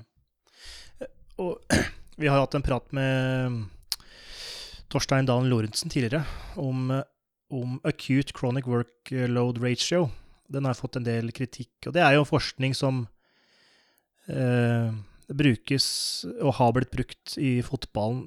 Har du noe Men der er jo i hvert fall Torstein er veldig kritisk til den eh, belastningsstyringsverktøyet. Jeg vet ikke om du har noen erfaringer med det? da, og Det er på en måte et eksempel på forskning som potensielt har noen flås, da, som eh, kanskje ikke helt fungerer i virkeligheten. Nettopp. Eh, og tanken der er jo at eh, ved å, å bruke treningsbelastning og, nummerere opp den, så, så, får du egentlig en variabel med minimum og maksimum som du bør holde deg innafor for å ha eh, i hvert fall mest mulig påvirkning uten for stor skadefrekvens. Og så er utfordringa som han viste, at måten du setter sammen eller hvilke variabler du bruker i når du regner ut eh, svaret, så har veldig stor betydning for utfallet. Eh, ergo så er det vanskelig å, å være sikker på at, at, tallene viser det du egentlig prøver å komme fram til. Um, så og ja, jeg, vi har jo um, Jeg har jo fulgt med på det hele veien. Og da jeg jobbet med, med landslagene, så, så, så, var jeg vant til at vi rated, uh, brukte RPI på, på øktene. Uh, og når man har gjort det over år, så har man en ganske bra erfaringsbasert grunnlag. Men igjen, da, da kommer den skjæringspunktet. Hva er erfaring, og hva er Eh, vitenskap. For det er veldig sjelden at man bare ser, ser, ser svart-hvitt på at eh, så og så mye RP, han kan ikke trene. Da er det mer at man sier ok, så og så mye RP, men han bør trene eh, litt annerledes. Og, kan, og, mest sannsynlig da så er det samme for hele gruppa, og så justerer man økta. Men utfallet er ikke nødvendigvis annet enn at man opprettholder trening, men på en annen måte. Man endrer banestørrelse, eh, man spiller kortere kamper, man har lengre pauser. Altså det er mange variabler man kan benytte. Eh, men, eh, men, fortsatt så er det summen av veldig mange ting. Og det er ikke alltid i forskningssammenheng. Og det er, det er viktig å, å, å skjønne og, å håndtere når man, når man står med praktisk ansvar for å anvende forskning. Og særlig når man skal eh, inn i Vi snakka om å etablere vaner og en kultur på hvordan skal vi gjøre ting så, så, har man jo trenere som veldig i mange sammenhenger er deg overordna. Så å kunne forklare ting og ha tunga rett i munnen i forhold til hva er forskning og hva er anbefaling, og hva er erfaringsbasert, og hvordan tror vi dette skal fungere i vår kontekst, det er utfordrende, og det er eh, også veldig spennende. Absolutt. Det er et godt poeng der i forhold til Eh, faktorer man gjør redd for i forskning, og faktorer man faktisk må gjøre redd for i, i praksisen, det er, eh, det er, det er så mange komplekse ting i idrett, og spesielt av fotball, som er en lagidrett, og som består av flere individer som skal jobbe sammen. Og det er eh, og I en studie så ja, vi kontrollerer for det ene og det andre, men det å få kontrollert for alt, det, er, det, er, det vil aldri skje, tror jeg. Så et veldig godt poeng. Eh, det som også er litt eh, komplisert, er jo dette med skader. Eh, og det er jo også noe som forekommer i fotball. Og da, I den sammenheng så har vi fått inn et spørsmål, to spørsmål som omhandler om skader. Så har du noen tips til fotballspillere som sliter med skader? Jeg har en del tips når vi snakker om skader, så er det like vanskelig og like utfordrende som, som det å, å, si noen gode fasit på trening. For det, det, er veldig, kanskje enda mer komplekst. Det det er veldig mange variabler eh, som, som, spiller inn på, eh, for, å, for å, holde deg frisk eh, og prestere og kunne prestere bedre og få fremgang. Eh, hvis vi skal begynne med med ytterpunktet, så er det i hvert fall lurt å få på plass de store byggestedene for å fungere. Og det er samme for, eh, for å holde seg frisk som for å eh, yte. Og det handler om å eh, sove tilstrekkelig. og gjerne også ha gode søvnvaner, sånn at du restituerer godt. Så er det at du spiser godt og er hydrert inn i treningsøktene og, og mellom treningsøktene. Sånn at kroppen har, har det den trenger for å eh, bygge seg sterkere, for å holde, holde immunforsvaret sterkt, for å kunne prestere eh, i øktene. For det, det er noe med at eh, å holde kvalitet i øktene er med på å fremme læring, og det er viktig i, i komplekse idretter som, som, fotball og andre lagidretter, tekniske idretter. Eh, så Eh, få på plass de, de hjørnestenene først, selvfølgelig avgjørende. Så er det at treningsprogrammet du har, er eh, skikka for å eh, påvirke kroppen på en god måte. Dvs. Si med, med rett dosering og gjerne i en retning. Altså hvis du skal drive med fotball, så, så er nummer én at du trener fotball. Det å, drive og ikke bli skada på, er at du bygger opp mengden med, med fotball, sånn at du tåler det mengden som du skal da utøve. Eh, og på det nivået du skal utøve. Så over tid så handler det om å hvis, hvis, man håper at man blir bedre og bedre og klarer å spille på høyere og høyere nivå, så er det at man bygger opp eh, gradvis intensitet i spillet og mengden med den intensiteten. Og det går ofte ikke alltid hånd i hånd, men, men blokkvis eller trappetrinn, eller av og til så er det litt opp og litt ned igjen. Eh, som mange andre ting. Og dere har også hatt podkaster om vekst og, og modning. Eh, som da, hvis man er en vekstspurt, så må man selvfølgelig ta hensyn til eh, det også. Men la oss si at alle disse hjørnestenene og et godt treningsprogram er på plass. Så er det jo en del øvelser som er hensiktsmessig å gjøre, og det er øvelser som i hvert fall vi skal trekke forskning, så har man klart å peke på at øvelser som går direkte på de Eh, de vanligste skadene. For det er noe med at hvis du, hvis du gjør mye av én ting, så, så, så, er faren mye større for å få strekk på bakside lår i fotball. Mens i håndball så er det større sjanse for at du får en korsbåndskade. Eller hvis du driver med alpint på veldig høyt nivå, så er det stor sjanse for å få korsbåndskade. Har det vist seg. Um, men da har det noe med at uh, man bør prøve å adressere akkurat det. I fotball så er det, så er det vanligste, i hvert fall på høyt nivå, eh, muskelskader og gjerne eh, baksilår, lyske, forsilår som er, som er da vanligst. Og da å ha, ha øvelser som, som, styrker musklene i dette området, gjerne en god balanse, det er eh, hensiktsmessig. Så har man også sett at måten man gjør øvelsene på, eh, er, har betydning. Eh, så vi anbefaler å jobbe eksentrisk. Det har noe med hvordan musklene oftest blir skadet på. At det er med når du blir utsatt for større kraft enn dere klarer å utøve, i hvert fall i øyeblikket. Eh, og det er ofte i en eksentrisk fase. Sånn at man har eh, på hamstring at man har eksentriske øvelser. Og gjerne både over hofte og over kne, men da begynner det å bli litt mer avansert. Men at man har en god, eller flere gode eh, lyskeøvelser. At man er sterk på forside lår. Det, det, vil si er meget nyttig hvis man skal over tid skade, drive skadeforebygging for fotballspillere. Ja, ja. Uh, og det er et spørsmål som går på disse øvelsene som er veldig kjente. Men før vi kommer dit, så har jeg et lite spørsmål om de, disse grunnstenene. Du nevnte bl.a. søvn. Uh, har dere noe tracking av søvn, eller uh, gir dere bare generelle anbefalinger på det å sove nok og kanskje skru av mobilen inn i soverommet, eller ha det mørkt og kaldt på soverommet, eller gjør dere noe, gjør dere noe fysisk for å fremme god søvn? Uh, vi har gjort litt, og vi kommer til å gjøre uh, mer. For som du sier, det, det, er mange ting man kan gjøre for å påvirke søvnkvaliteten og søvnmengden. Det vi har gjort, er at vi har, uh, vi har hatt registrering av leggetid og når de står opp, gjennom den appen vi Eh, wellness-appen som vi har. Sånn så har vi et visst bilde av eh, hvor mye de sover, og om de sover nok i forhold til det arbeidet de, de utfører.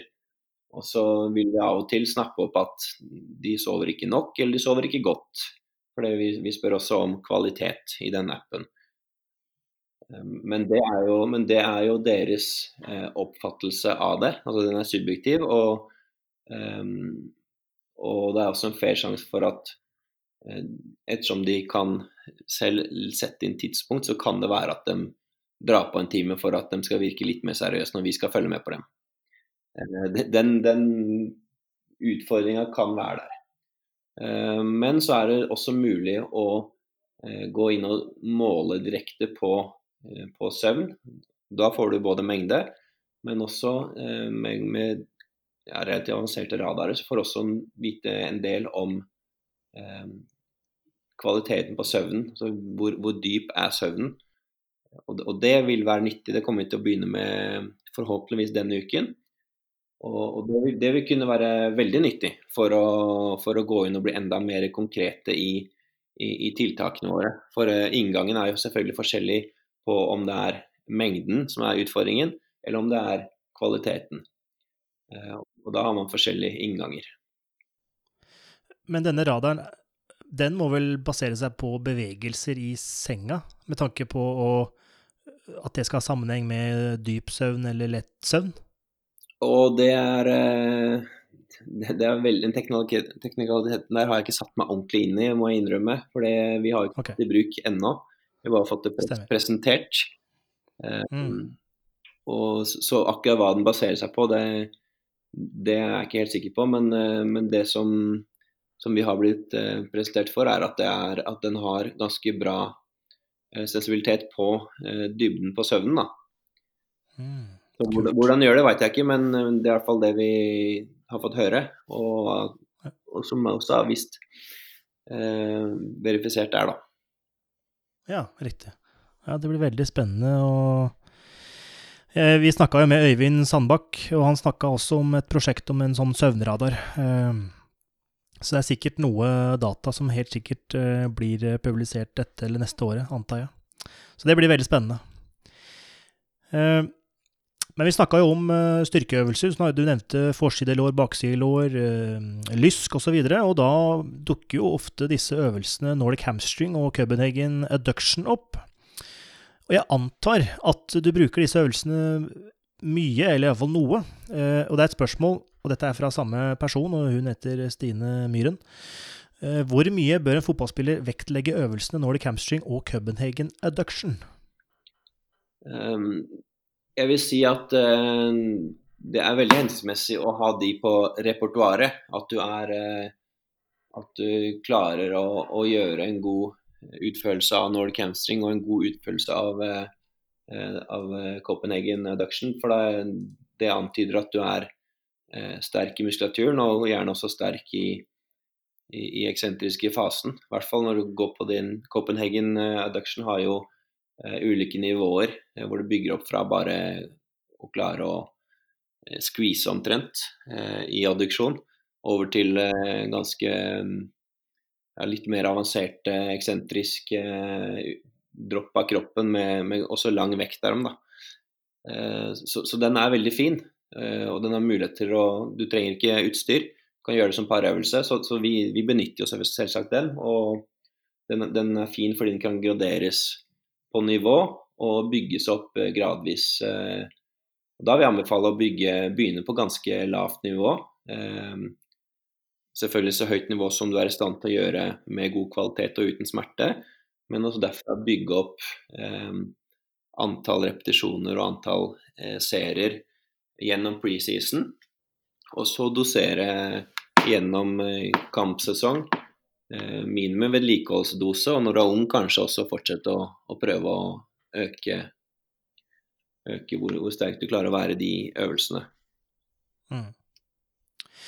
Men er det en hensikt, eh, eller er det hensiktsmessig å eh, For å gi et eksempel. Er det hensiktsmessig å være så sterk at man klarer å komme seg opp igjen i Nordic hamstring? Altså bare ved For det er det jo folk som klarer. Men også hvor sterk trenger man å være? Hvor uh, Hva er sterk nok? Ja, Der har jeg ikke noe sånn kjempegodt uh, svar å gi til deg, i og med at uh, Eh, styrke alene ikke er 100% beskyttende for det å bli skada. Ehm, så du kan være sterkest på laget og, og, klare å gå helt ned og helt opp, og så kan du få eh, strekka likevel, dessverre. Eh, men det vi vet er at det er bedre å være blant de sterkeste enn det er å være i midt, midtgruppa. Det er bedre å være i midtgruppa enn blant de svakeste. Eh, så hvis du klarer å jobbe deg oppover fra å være medium til, til veldig sterk, så, så, er du i hvert fall bedre skikka til å, å, å tåle en stor belastning i en, den type bevegelse. Eh, og kanskje klare også um, uh, og så, sånn sett være bedre rusta i forhold til andre faktorer. Eksempelvis om du er sliten mot slutten av kampen, så har du fortsatt litt styrke igjen til å aktivere med. Mm. Eh, og disse øvelsene de skal jo på en måte settes inn i et slags uh, system, eller ukesperiodisering, eller uh, månedlig periodisering. Eh, og I den sammenheng så har vi et spørsmål som angår styrketrening og styrketrening for ben. Så spørsmålet er når bør man legge opp styrkeøktene for beina i uka? Um, ja, og da er det Jeg har nevnt tidligere at jeg er veldig glad i å svare på noe i en kontekst. Um, for når man er generell, så kan man alltid hive så mange faktorer i, i, i potten. Um, så da får jeg heller begynne bredt og forsøke å snevre meg inn. Um, jeg tenker at, uh, at, det å bygge en god base med styrke, det er, eh, det er, lurt som fotballspiller. Det er et fint supplement til det å spille fotball. Nettopp fordi det handler om på høyt nivå å klare å ha intensitet og kraft i spillet. Det er den veien utviklingen går. Og så er det også sånn at hvis man er sterk, så, så, så har man da mm, bedre rusta i forhold til eh, strekkskader. Dermed så vil jeg gjerne ha med eh, styrke eh, i en normal eh, forløp da, av, av, sesongen. Um, så er det alltid en, en avveiing hvor mye skal man prioritere. Og selvfølgelig det viktigste, jeg sa i stad, spesifisiteten er at skal du bli god i fotball og skal være godt skikka for å tåle å spille fotball, så må du bygge opp mengden med fotball så må man begynne med å plassere kamper og fotballøkter med høyest intensitet. Og så må man gjøre plass til styrketrening i forhold til dem. Ikke motsatt rekkefølge. Eh, og så har det selvfølgelig eh, mye å si hva slags treningserfaring og treningsgrunnlag man har.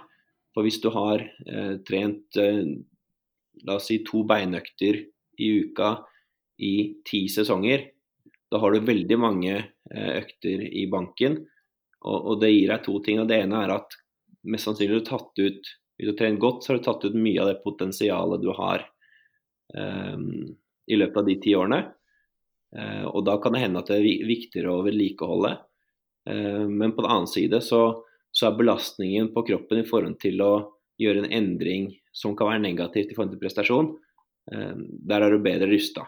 Fordi du må ha mye større dose for å, for å få en tretthet i, i, systemet. Du må ha større dose for å få en endring i, i, i hvordan altså, det kontraktile elementene at de skal bli eh, annerledes i forhold til den treningsbelastningen du gjør for øvrig. Og så er det jo ulike måter å trene styrke på. Altså, hvis man trener veldig tungt over tid og prøver å endre kroppssammensetning, så er det én ting. Mens det er noe helt annet å prøve å å fyre nervesystemet for å bygge opp en spenning inn mot en kamp. Altså to dager før kamp f.eks., eller dagen før kamp, som noen liker å gjøre med veldig lav dose. Det er to forskjellige ting, men begge kan karakterisere for styrketrening i og med at det er systematisk påvirkning av evnen til å lage kraft. Eh, så, så, så igjen, det, det, blir generelt svar, da, men hvor, hvor nummer én jeg ville hatt det med, prøvd å få det med eh, noen ganger i uka. I hvert fall å begynne med å få på plass de skadeforebyggende øvelsene. Eh, som man kan fint gjøre i forbindelse med fotballøkter, eh, i forlengelsen av oppvarming eller når man er ferdig å spille. Eh, og så eventuelt eh, med, med, god veiledning, selvfølgelig. Forsøke å over tid eh, bygge opp grunnlaget for å lage kraft. Og gjerne kombinert med Eh, med, med sprinttrening. Ja. Når, er det, når er det Rosenborg trener styrke gjennom en uke? Hvis du f.eks. har kamp på søndag?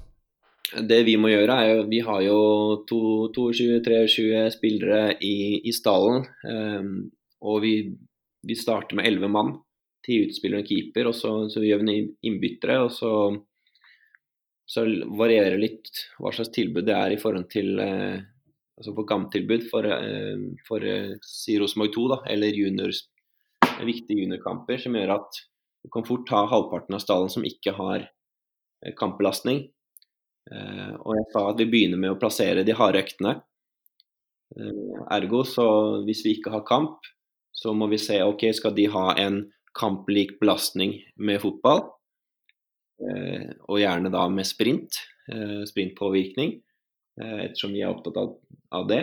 Ehm, eh, og eller skal de ha styrketrening? Ehm, og, da, og der er det Derfor må vi gjøre det individuelt, ikke nødvendigvis eh, alle likt. Fordi vi er i forskjellig status gjennom uka, og vi har forskjellige mål. Så vi har noen spillere som kanskje nesten bare er på skadeforebyggende øvelser, jobbing med kjernemuskulatur, og kanskje av og til litt, bitte litt eksplosiv påvirkning, eh, litt fyring før kamp. Mens andre jobber med å endre kroppssammensetningen sin, gå opp og ned i vekt. Gå opp eller ned i vekt, eh, forhåpentligvis.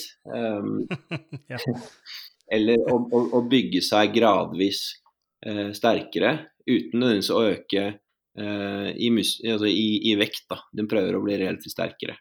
Er den differensieringa basert på alder? At uh, de som da har opparbeida seg en god styrkepott, de fokuserer mer på det rehab, eh, eller ikke på det skadeforebyggende, og de som er unge, driver mer med utvikling og har uh, kanskje mer styrketrening? Jeg vil ikke si at det er en én-til-én-sammenheng der. Det jeg kan si, er at det er de individuelle faktorene veier ganske tungt. Eh, jeg sa, jeg sa, spilletid har mye å si. Um, alder har selvfølgelig også mye å si. Fordi ok, i hvert fall eh, du må være ferdig Du må tåle styrketreninga som vi gir dem. Så vi må trene annerledes med de som er, uh, er 17-18 uh, og de som er 28. Um, men du har også andre enden av skalaen. De som har la oss si er 8-29 og kanskje er i sin peak alder for å prestere, men som, som fortsatt har Eh, potensialet for å bli sterkere og raskere og, og er lite skada.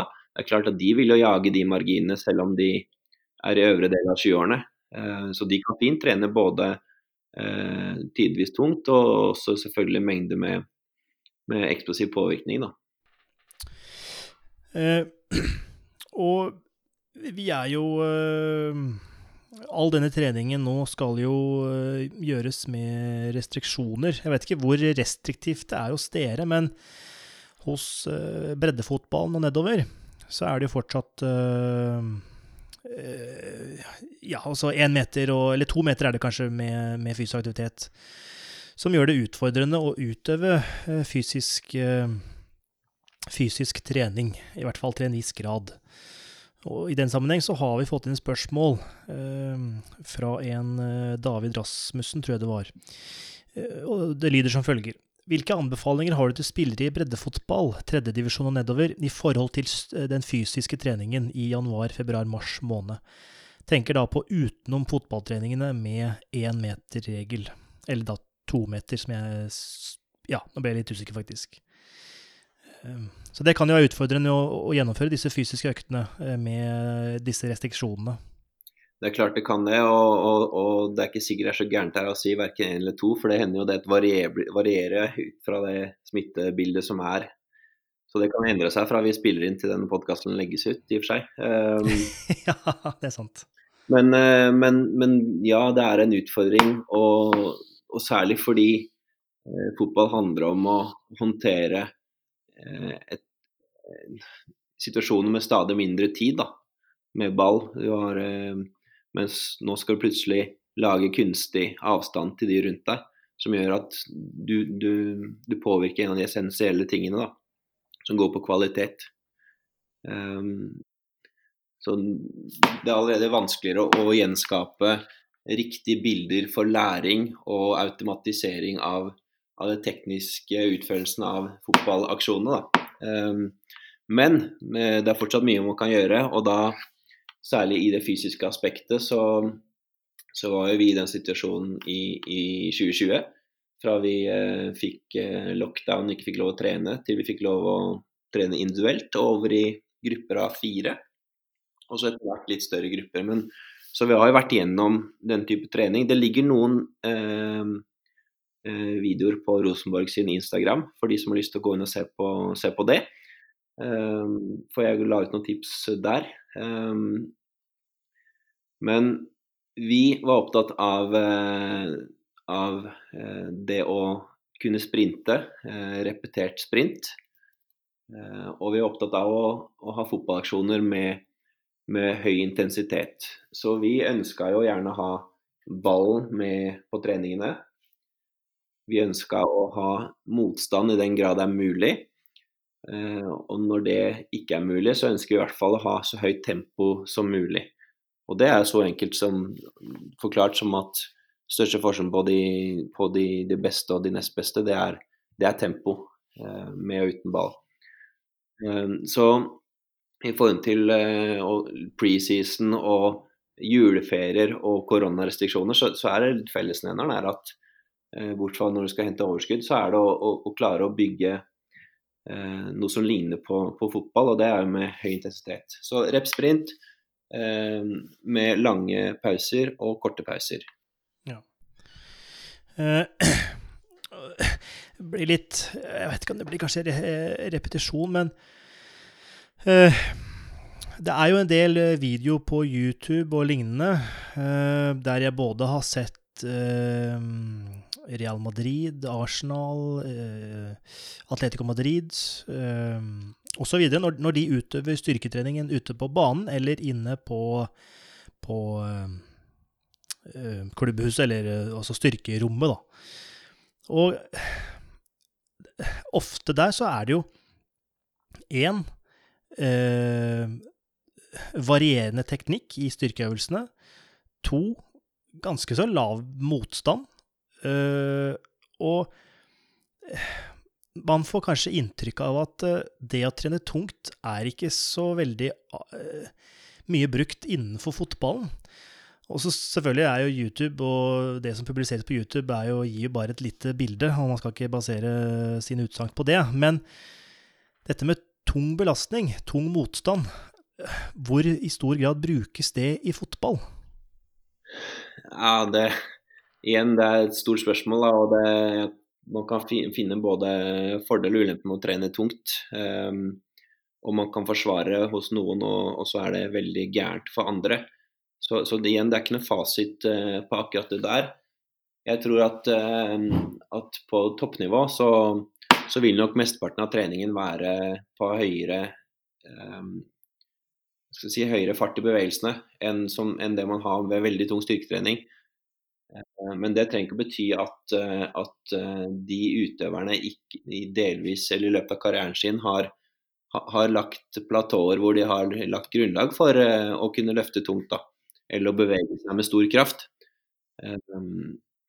Men selvfølgelig, på, på høyeste nivå så, Eh, det er ikke veldig mye motstanden som må til for å endre hurtigheten på bevegelsene. Og det du ønsker er at du skal, hvis du skal trene tungt, så skal sluttproduktet fortsatt være at du blir raskere. Og, og så kan man være eh, egentlig hele veien i det aspektet der, fra ytterpunktet er å trene veldig tungt, til å trene ut, uten motstand, eller til og med overspeeding, ved å ha noe som gjør at du får større fart i bevegelsene med bak kroppsvekt. Um, men så handler det om at du skal kontrollere bevegelsene og, og, og, bevege deg på en god måte i forhold til hva som er bevegelseseffektivt, og, og hva som er mest eh, hensiktsmessig i forhold til utførelsen av de ulike oppgavene ute på banen. Um, så, så, du vil finne hele spekteret, eh, vil jeg tro. Men ja, jeg tror nok du har rett i det, at uh, observasjonen er nok korrekt. At uh, de aller fleste vil gjøre mest i, i, i det som er nærmest uh, stor fart, dvs. Si med mindre motstand enn veldig tung styrketrening. Og det gir jo selvsagt mening med tanke på uh, spesifisitetsprinsippet. Uh, Så det er nok et, uh, et godt uh, poeng. all denne treningen. Eh, vi snakket om at det er flere individer som skal jobbe sammen, og disse individene har ikke den identiske kroppen, og må dermed få kanskje litt ulike øvelser, litt ulike intensitet, volum osv. Eh, og I den sammenheng så har vi et spørsmål fra Magnus Haugan. Eh, og det er Skal vi se. Ingen tvil om at laget er førsteprioritet, men mitt inntrykk er at fokus på individualisert tilpasning per spiller for å kunne bli bedre er for lite generelt i fotball. Jeg er også klar over at dette er vanskelig sesong, og med tanke på økonomi i apparatet. Har Christian noen tanker om dette? Eh, ja, det er jo egentlig veldig i forlengelse av det jeg snakka om eh, nettopp. At, eh, at spillerne er jo individuelle i en lagidrett. Og de er bare, bare pga. et laguttak så har plutselig 50-50 eh, forskjellige forutsetninger for hva de skal gjøre i løpet av uka. Um, og, og, det er noe med, med, det som er konseptet, er at alle skal være i stand til å gjøre det samme. Men du må håndtere at alle har ikke de samme forutsetninger for å bli bedre på samme dag, på samme tidspunkt. Um, og så har du ofte Du må prioritere i hvert fall på toppnivå. altså Selvfølgelig litt annerledes i, på utviklingslag og når du er ung, men der hvor jeg jobber nå, så, så er det en gang sånn at de som starter, ofte så starter de med ganske likt lag eh, mange kamper på rad. Uh, og da, da, er det noen som er lenger unna laget, som har egentlig veldig god tid til å prioritere utvikling, hvis vi kan si det på den måten. Mens andre som er i, prestasjonsmodus og har mindre tid å bruke på utvikling, men handler om å restituere, prestere. Um, og jeg tror at bevisstheten, for å svare på det han spør om, bevisstheten er nok eh, altså i, i, i, verste grad gryende. Jeg tror eh, lagene både i Norge og i utlandet er veldig eh, på at, eh, at, eh, at, det er viktig å ta hensyn til de individuelle faktorene Eh, det er mye større bevissthet nå enn for 20 år siden, da jeg begynte å jobbe med fotball. Eh, på, på masse, altså de, de, faktorene jeg har vært innom som vi har snakka om bare, bare, i dag. Da. På, på søvn, på kosthold, på, eh, på, hvordan skal man vekte treningen. Hvordan kan man hensynta individene eh, gjennom tracking i forsesong, i sesong, ut fra rolle. Eh, det gjøres veldig mye.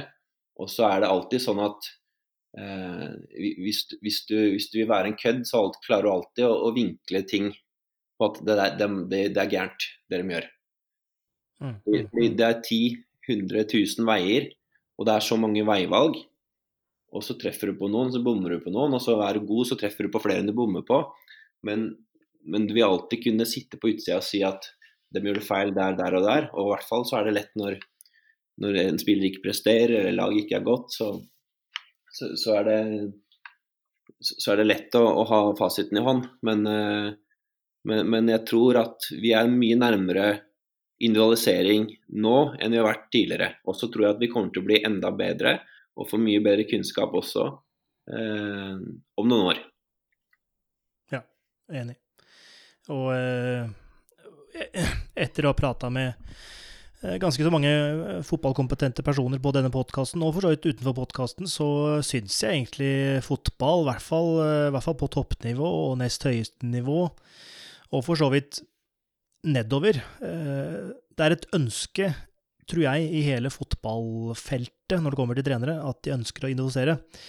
Men det lar seg gjøre lettere med ressurser, som ofte er mye mer av i øvre divisjon enn nedre. Men dette med individualisering, det tror jeg eh, Jeg får inntrykk av at det står høyt i kurs, og det blir gjennomført også i eh, stor grad. I hvert fall får jeg inntrykk av det jeg har prata med deg i dag, og, tidligere fotballpersoner. Så det, jeg, kjenner meg ikke helt igjen i spørsmålet. Men eh, fotball jo, har jo vært under kritikk ganske mange ganger. Altså, du har jo hatt avisoppslag at de er for dårlig trente, og de er for svake. og for dårlig utholdenhet, og det har vært eh, mest sannsynlig ganske irriterende for deg som er trener opp gjennom åra, å se disse overskriftene, antar jeg? Ja, altså Man skal jo egentlig jobbe med sitt og ikke bry seg for mye om, eh, om i hvert fall ikke de tabloide negative vinklingene. fordi altså vi som, som, er så heldige å få jobbe med på høyt nivå, vi, vi, lever jo av den entusiasmen og at det er interesse for det vi gjør. Eh, og da må vi tåle både positivt og negativt. Eh, men det er klart vi, man, man, får jo, man, får lyst til å uttale seg faglig mange ganger, da, selv om man vet at det, det hjelper ikke nødvendigvis. Eh, men, men man savner jo eh, nyansene på hva er det som Hva mener dem? Eh, og, og vi, vi, har jo hatt med altså, Man kan alltid si at man har gått litt dårlig trent, men man må i hvert fall klare å si hva det dreier seg om. og Vi, vi har jo så, Vi leser overskriften i avisen om at eh, lag er, er, for dårlig trent. Og da har de spilt eh, 38 kamper den sesongen. Eh, så mest sannsynlig bør de ha bra grunnlag for å håndtere kampklima. Men i, i langrennssammenheng så er han jo ikke for dårlig trent hvis han er vanligvis god, men har et dårlig renn. Eh, da er det andre, er det andre faktorer som er lette å forklare. Og stort sett så tror jeg man er ganske enig om å sette seg ned eh, Hvis jeg setter meg ned med, med treneren til skilandslaget, så tror jeg vi er ganske enige om, eh, om, om hva er pære og epler. Men det er mer gøy å si at fotballtrenere er dårlig, fotballspillere er dårlig trent fordi de har dårligere O2-opptak enn langrennsløpere. Men det er ganske gøy for oss å ha med langrennsløpere og spille fotball også. ja. ja. Petter Northug har vel spilt fotball for et eller annet eh, trøndersk eh, lag for ganske mange år siden, tror jeg. Ja da, altså det, det, er mange, det, er mange, det er mange, mange langrennsutøvere som, som, kan spille fotball, og også som, som kan gjøre det, i hvert fall i yngre, yngre alder. Har, har, jo vært med på, på begge, begge, deler. Men det er jo det at de er ikke, arbeidskravene er forskjellige. Uh, så hvis du er topptrent skiutøver, så, så, mangler du antagelig noe for å sammenligne med de, de som er best trente fotballspillere. Og det, sånn er det mot andre veien også. Helt klart. Helt klart. Det er godt, eh, godt poeng. Eh, greit. Da kan det se ut til at vi har eh, vært igjennom eh, de spørsmålene vi har fått fra følgerne. Og jeg er ganske sikker på at følgerne føler seg godt ivaretatt på de svarene du har gitt til de, så det takker vi for, Christian. Får håpe det. Er det noe vi ikke har tatt opp Eh, i dag som du gjerne skulle ha snakka om? Uh, nei, det, det, måtte bli uh, Antagelig så, så, mister jeg muligheten nå. For da kommer det sikkert uh, tre-fire oppslag i løpet av uka som kommer på, på, på, meninger om hvordan vi trener og hvordan, hvordan vi forbereder oss til sesong. men da er, igjen, da, da er det nok en diskusjon som går på vinkling og ikke på innhold. Og da, da er jeg antagelig like langt. Så hvis, hvis lytterne, og særlig de som er opptatt av faglig og faglig fordypning og utvikling, og, så, så, er det jo det å evne å, å se nyansene og diskutere eh, nyanser. Og ikke bare hoppe til en, en, en tabloid vinkling. Det, det gjør det veldig interessant. da. Jeg ble litt eh, trigga av det du sa nå. Så det kom en, en, oppslag på hvordan dere trener. Hvordan, hvorfor skulle det komme det? Uh, det skal nok komme fordi vi snakket om pendel i stad, som hvordan utvikler man. og det, det har jo gått eh, veldig i retning av I Norge så har man vært veldig opptatt av, av freshness, at man skal ha uthvilt når man trener fotball, sånn at man har evne til å trene med høy kvalitet. det er vi selvfølgelig veldig enig i. Men vi skal nå i gang med en, en preseason, og da, da, har man ulike måter å angripe dem på. Vi har, har, uh, har ambisjoner om å trene ganske mye, særlig nå i starten, med stort volum. Og da må du av og til gi, gi, gi noe for å få høyt nok volum. Og, og, og, det er jo noe av den freshnessen som, eh, som, har vært eh, veldig applaudert i Norge. Og da er det veldig lett å sitte på utsiden og si at den, den, de, de trener gammeldags, eller de, har ikke skjønt hva fotball dreier seg om. For vi vet at det handler om å spille med høy, høyt, på høyt, høyest mulig intensitet. Det, men uh, i hvert fall så skal vi ha den inngangen nå at vi, vi, vi, vi kjører høyt volum. Og vi, reduserer det noe gjennom forsesongen, og så forsøker, forsøker vi å holde høy intensitet og bygge den uh, enda større gjennom sesongen. Ja, det blir spennende å følge med på. Uh, og det virker, i hvert fall ut ifra et teoretisk forskningsperspektiv, at uh, det virker logisk, for min del i hvert fall. Høres ut som gammeldags lineær periodisering, men som kanskje blir litt mer brukt i styrke... Eller individuelle idretter, kanskje. Men det blir spennende. Det blir det. greit. til sist så ønsker vi å på en måte vite litt uh, hvor er det våre følgere kan følge din virksomhet videre, rent sosialt, digitalt. Hvor er du å finne på den uh, digitale sfæren? Jeg har, uh, jeg har Instagram, hvor er navnet mitt, da, Christian Torbensen. Så har jeg en Twitter-konto hvor jeg heter Christian Fysio med ph. og det er vel ved siden av Rosenborg sine nettsider. Det viktigste mediene. Ja. Og de, disse lenkene det legger vi ved i beskrivelsen av episoden. Nei, men Da vil jeg takke for praten, Kristian. Setter veldig pris på at du tok deg tida til å snakke med oss. Og så får du lykke til videre med preseason i Rosenborg og et hardt opplegg og ja, krevende journalister. Så får vi se hvordan det går. Tusen takk for det. Den er god. Det var det for denne gang. Takk for at du hørte på, og vi høres om litt.